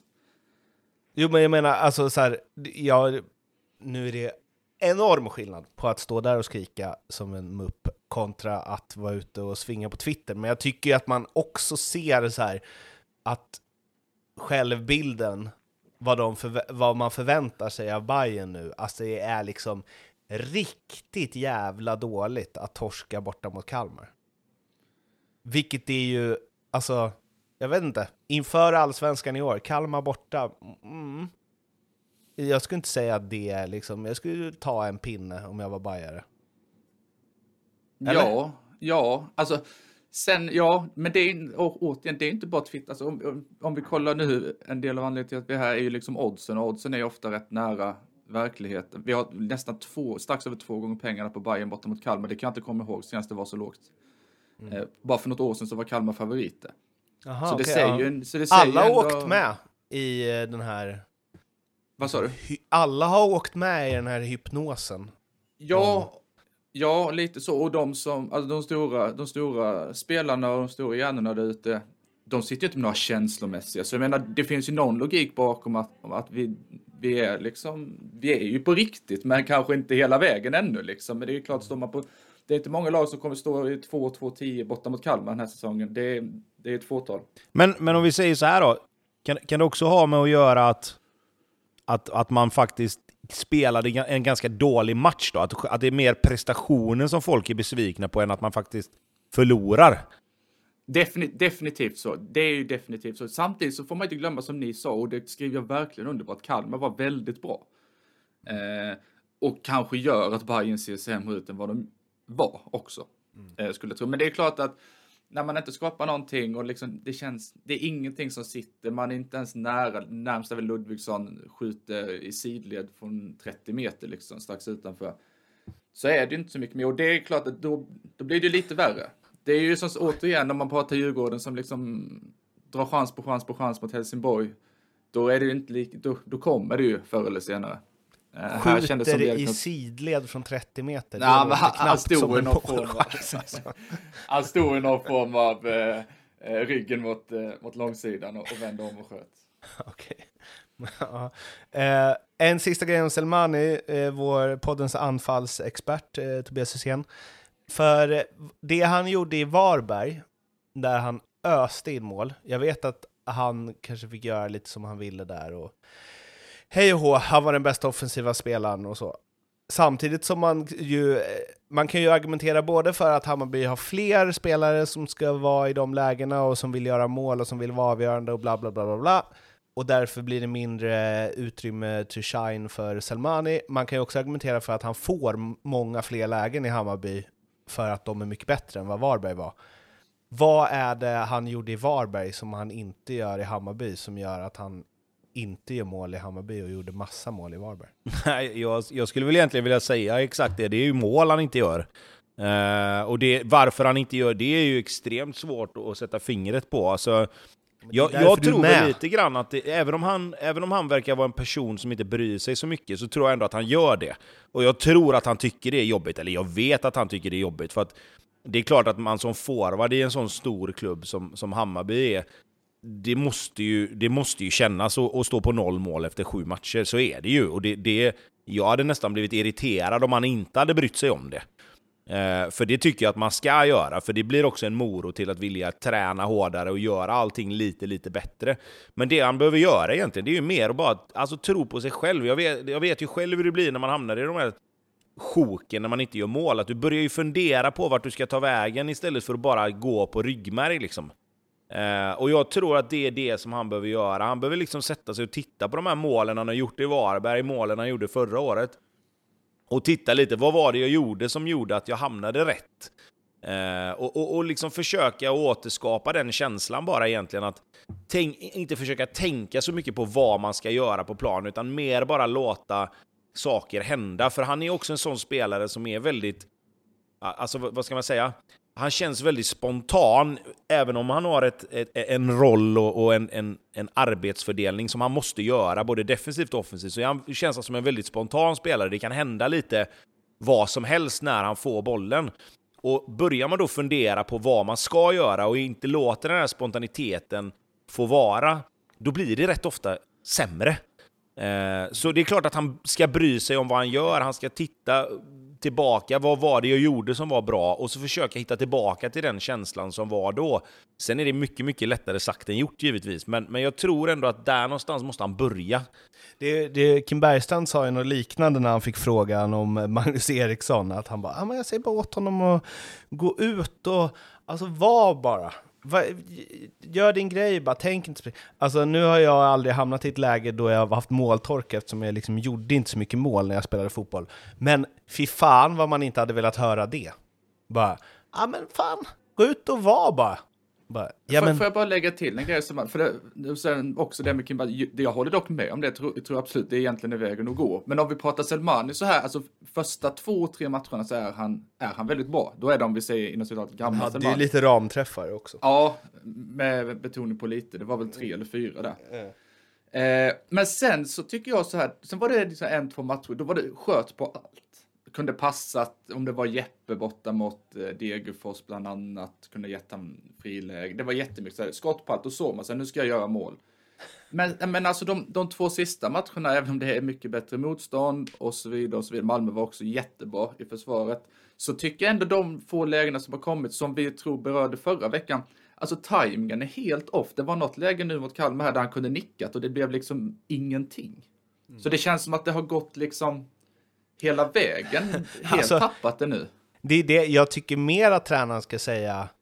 Eh, gå ut och så bara skjut på allt. Gör mål. Tänk bara att du ska göra mål nu. Alltså det hade varit...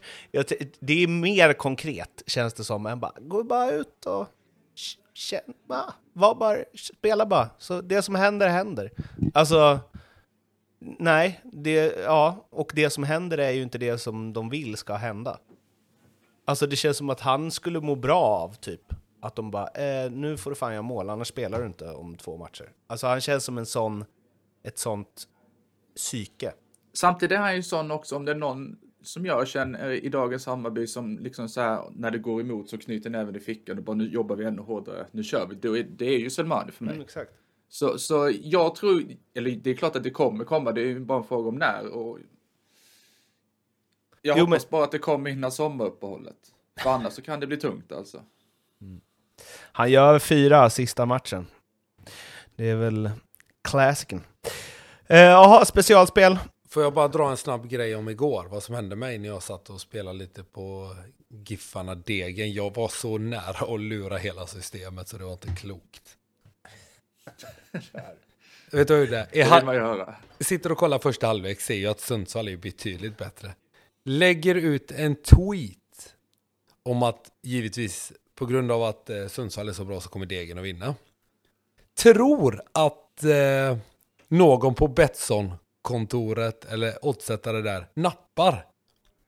Jag får 2,60 på att Sundsvall ska vinna. Lägger in direkt.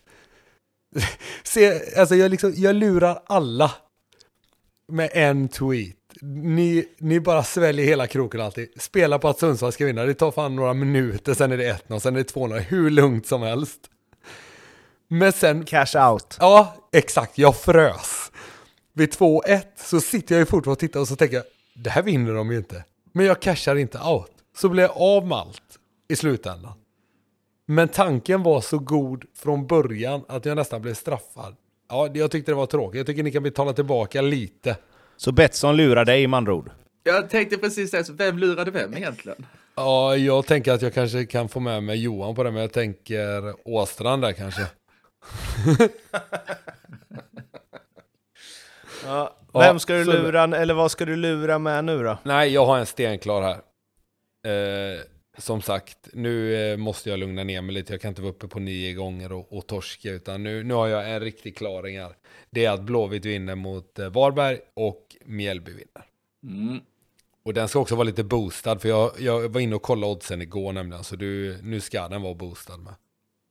Den är rejält boostad faktiskt. Ja, vad är den uppe i då? Eh, den är uppe i 4,25. Eh, Ja, okej, ja. Jag skrev fyra, Mm. men då rejält boostad 0,25, det känns ju sådär. Men visst, jag... Ja, men då ska du veta att Blåvitt har faktiskt gått ner rätt rejält under natten. Ja. Ja, men det är bra, för jag ser ju den här som... Den här är en stenklar. Den kommer jag hysta in på direkt. Tack. Du är välkommen. Tobbe? Ja, jag har ju att eh, Elfsborg vinner och att i matchen Djurgården-Malmö båda lagen gör mål. Jag eh, var ju ett Rasmus Alm missat upp ett mål från att sätta mitt tips igen här, så jag känner mig jäkligt eh, fylld av självförtroende här nu. Mm. Men du är het faktiskt. Eh, den hittar vi. Det här är nog kanske det lägsta hittills ännu, men det är tre gånger pengarna på den. Ja. Jag tänker att eh, 3,25 ändå va? Eller 50 kanske till och med. Nu är det ändå Malmö 70 3,50. spelare som inte kan spela och så. Bortaplan, konstgräs, Tele2. De åker upp och gör som mot Hammarby, hämtar hem. Men Elfsborg ska möta Sirius borta. Du vet ju hur det blir. Det är 06. Men Sirius eh, studsar ju tillbaka bra mot Varberg. Elfsborg också lite så här. Svår bortamatch är det ju, framförallt. Vi kan faktiskt, vi gör 3.25. Jag är väldigt snäll här nu, känner jag. Ja, men det är bra. Väldigt snäll. Men vi, Pontus fick en rejäl, då får du en rejäl också. Ja, 3.25. men det är bra. Ja, men jag gillar det. Jag gillar det. Jag gillar också att Pontus har eh, fastnat i att han följer efter mig nu och kör lite mer safe, eftersom han har varit bedrövlig i tippandet hittills.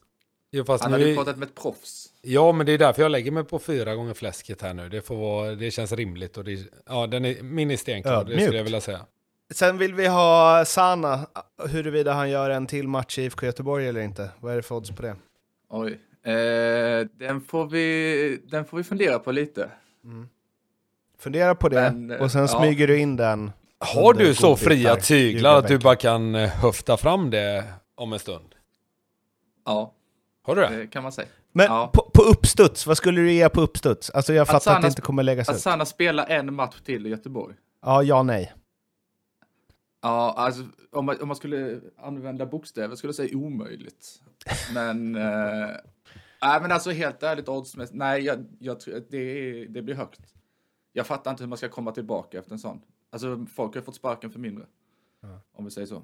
Det är 30 gånger pengarna i alla fall. Ja men, men alltså det är ju någonstans, ja jag vet, det här är väldigt svårt också. Ja, men det är väldigt, ju väldigt typ svårt. det. Men, men det är jag, jag ser det som väldigt otänkbart. 2025 kanske, om man ska vara snäll. Det är som att Selmani gör över tre mål i år. Det är samma. Inte riktigt. Inte riktigt. Fram till sista matchen. ja, eh, fan vad fint. Vi eh, hörs om en eh, vecka va? Eller Ja, vi ska nästa- väl ta en snabb, ska Ja, vi inte köra resultattipset eller? Jag tror att vi kan det. Vänta, jag ska bara kolla hur jag ligger till. Nej, jag kan ju säga, jag kan ju vara ärlig och säga att jag gick ju, gick bort mig lite igår faktiskt. Det var, jag var i riktigt, riktigt kall omgång. Jag hade 3-1 Elfsborg bland annat. Det blev ju 0-0. Ja, Men jag satte, in- Häcken är två borta mot Värnamo. Det var faktiskt inget snack. Den hade jag hela vägen. Men vad är det här? Hur dåliga är vi? Jag ligger Jag är över halvan, över Jag är halvan. 70 jag klättrar ju. Fan, Oj, jag oj. ligger sist. Oj, jag ser vem som är, vilka som är bakom mig här nu på sju. Jaha, Tobias Hysén och Andreas Blomdahl.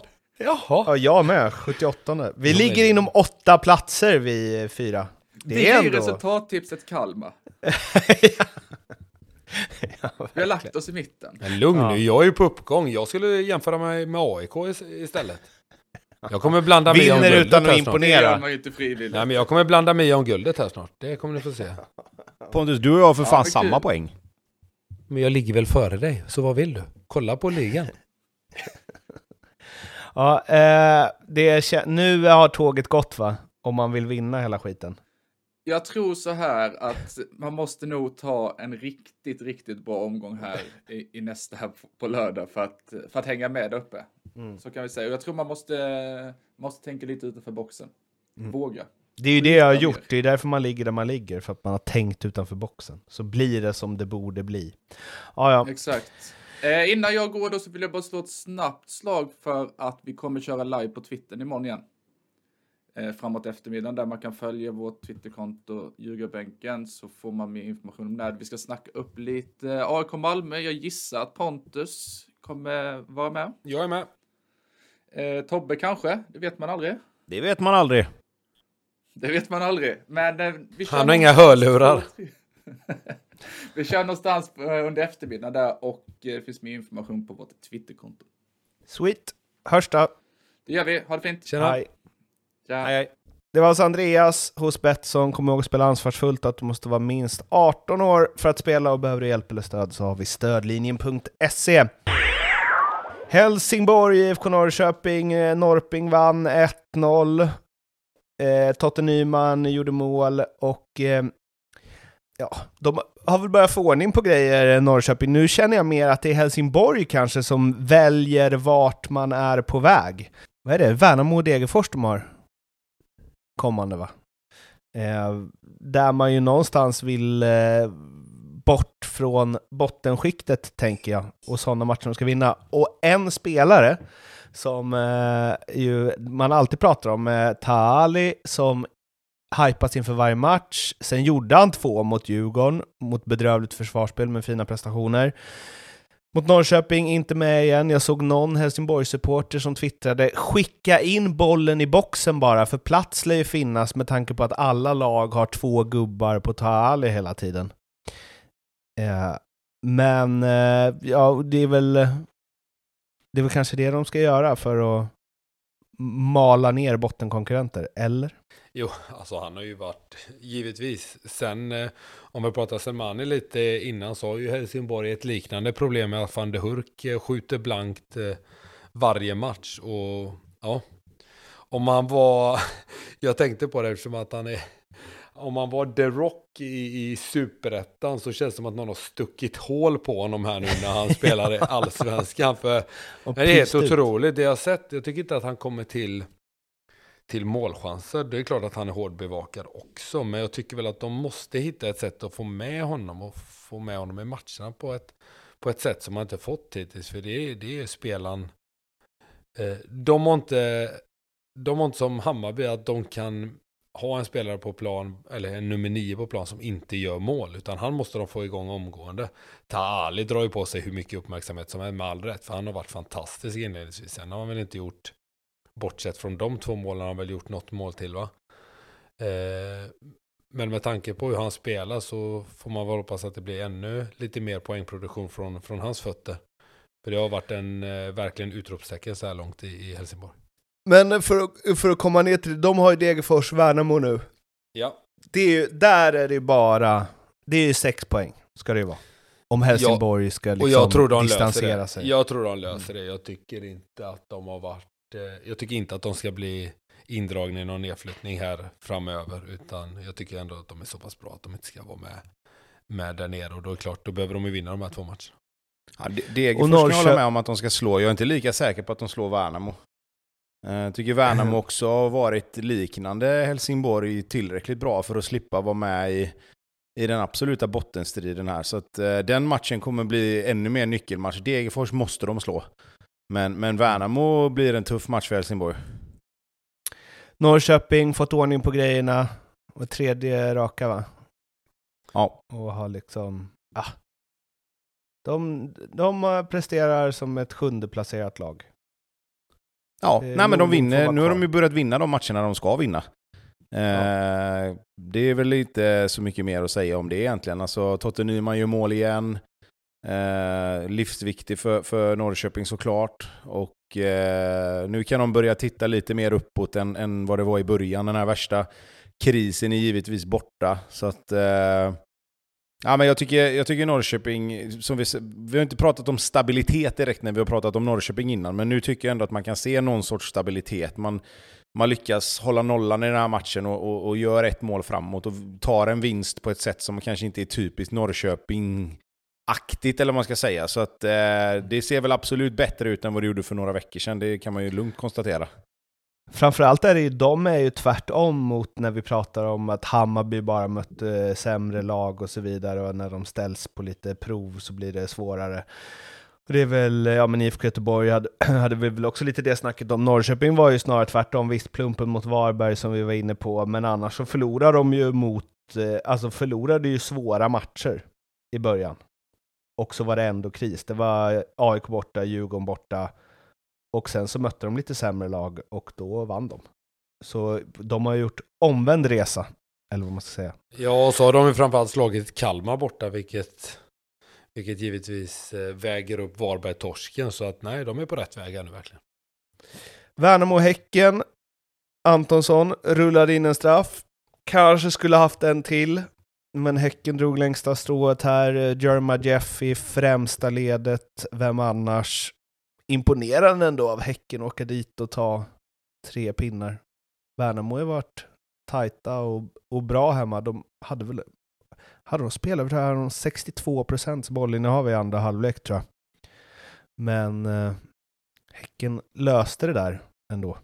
Ja, eh, Häcken också på väg åt rätt håll. Eh, Tyckte de såg bleka ut mot Blåvitt här för några veckor sedan och kände väl att, att ja, vi får se lite vart det här tar vägen. Men efter det har de, har de skärpt till sig och eh, vinna 2-1 borta mot Värnamo är bra gjort oavsett. Det, det är sådana matcher som ska vinnas om du ska vara med på över halvan. Och det, det tycker jag väl ändå någonstans att Häcken gör här på ett ganska bra sätt. Visst, de har inte bollen jättemycket, men det, vi är där igen och vi kommer få fortsätta återkomma till det. Alltså, Värnamo är trubbiga framåt. Det, med så mycket boll och så mycket ändå liksom initiativ på hemmaplan så, så måste de kunna få ut mer.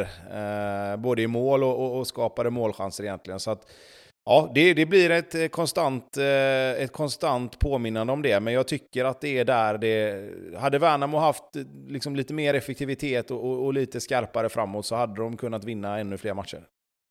Det är ju egentligen, man kan ju se det positivt för dem att Antonsson ändå rullat in sina mål, även om det är straff och så. Man har ju ändå gjort tre stycken. Men han är ju verkligen också den enda. Ja, men alltså jag tycker att vi, vi, har, vi har ju pratat lite grann om, om eh, Oskar Johansson här och det är klart att man ska inte begära för mycket av en spelare heller som, som har, ta, har gjort en resa med Värnamo som han har gjort. Men, men det är ju också en sån spelare som måste ta nästa kliv om Värnamo ska hålla sig kvar i Allsvenskan. De måste ju ha någon mer än Anton som, precis som du säger.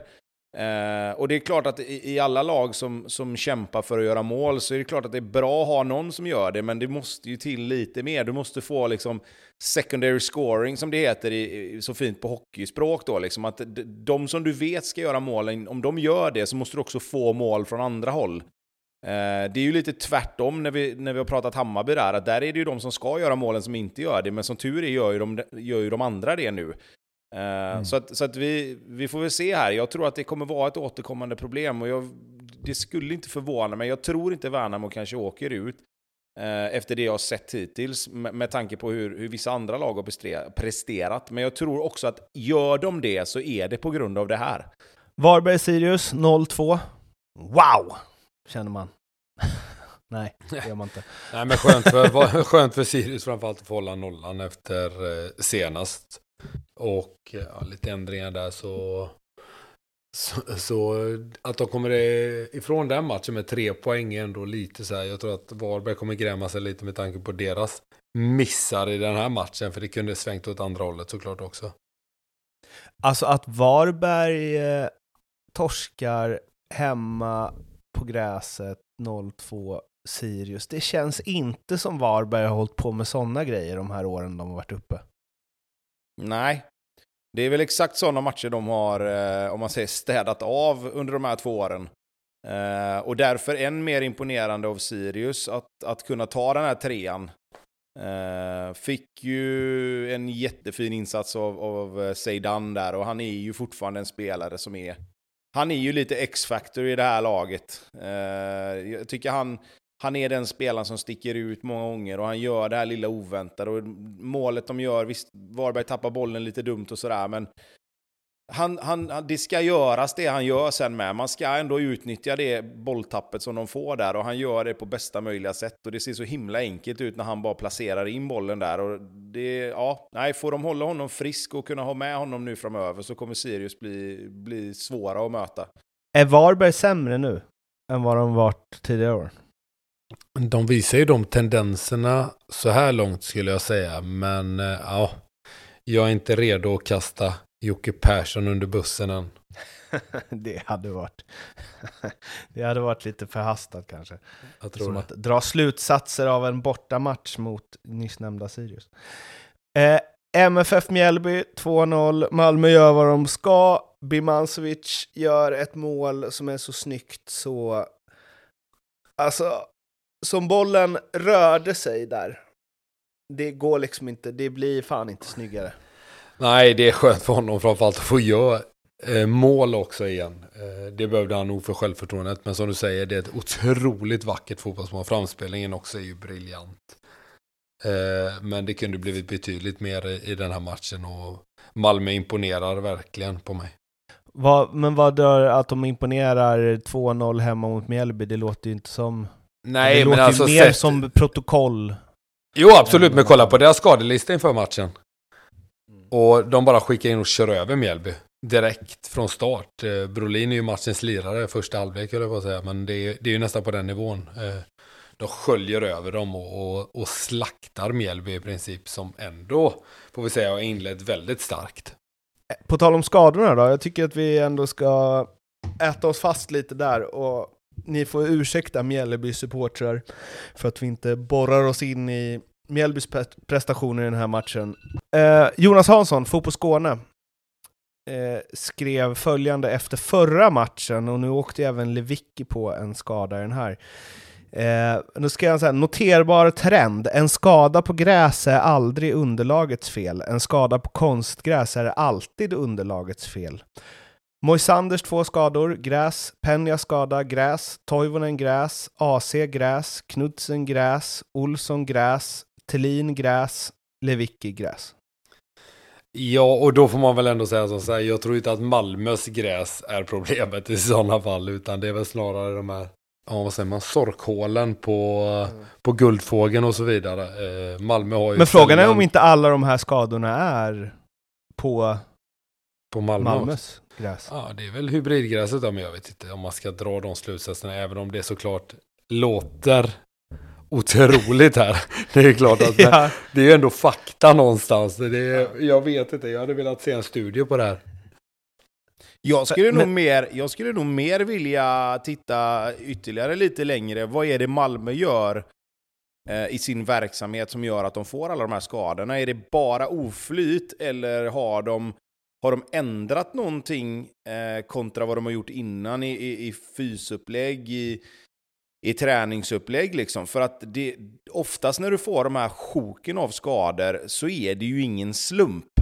Eh, och nu har de fått ny tränare tills i år och kanske ändrat upplägget lite grann. Och där är jag mer nyfiken på om man ska in och rota lite grann vad det kan ha påverkat belastning och, och, och skadeförebyggande och, och hela den biten i så fall. Jag tror, men Malmö har ju liksom top of the top, förutsätter jag, både förutsättningar och personal inom den, inom den eh, delen av, av klubben. Så att det skulle vara väldigt intressant att få en lite djupare, djupare analys kring det av folk som faktiskt har lite insyn. Vad, vad, vad det beror på att alla de här skadorna kommer.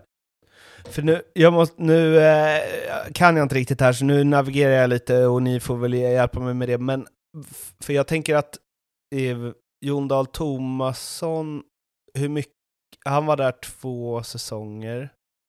Hur mycket skador hade de då? För jag såg att Axén var inne på att ja, men det kan bli så här när man byter tränare för att det skruvas på träningsupplägg och det blir annan belastning och bla bla bla.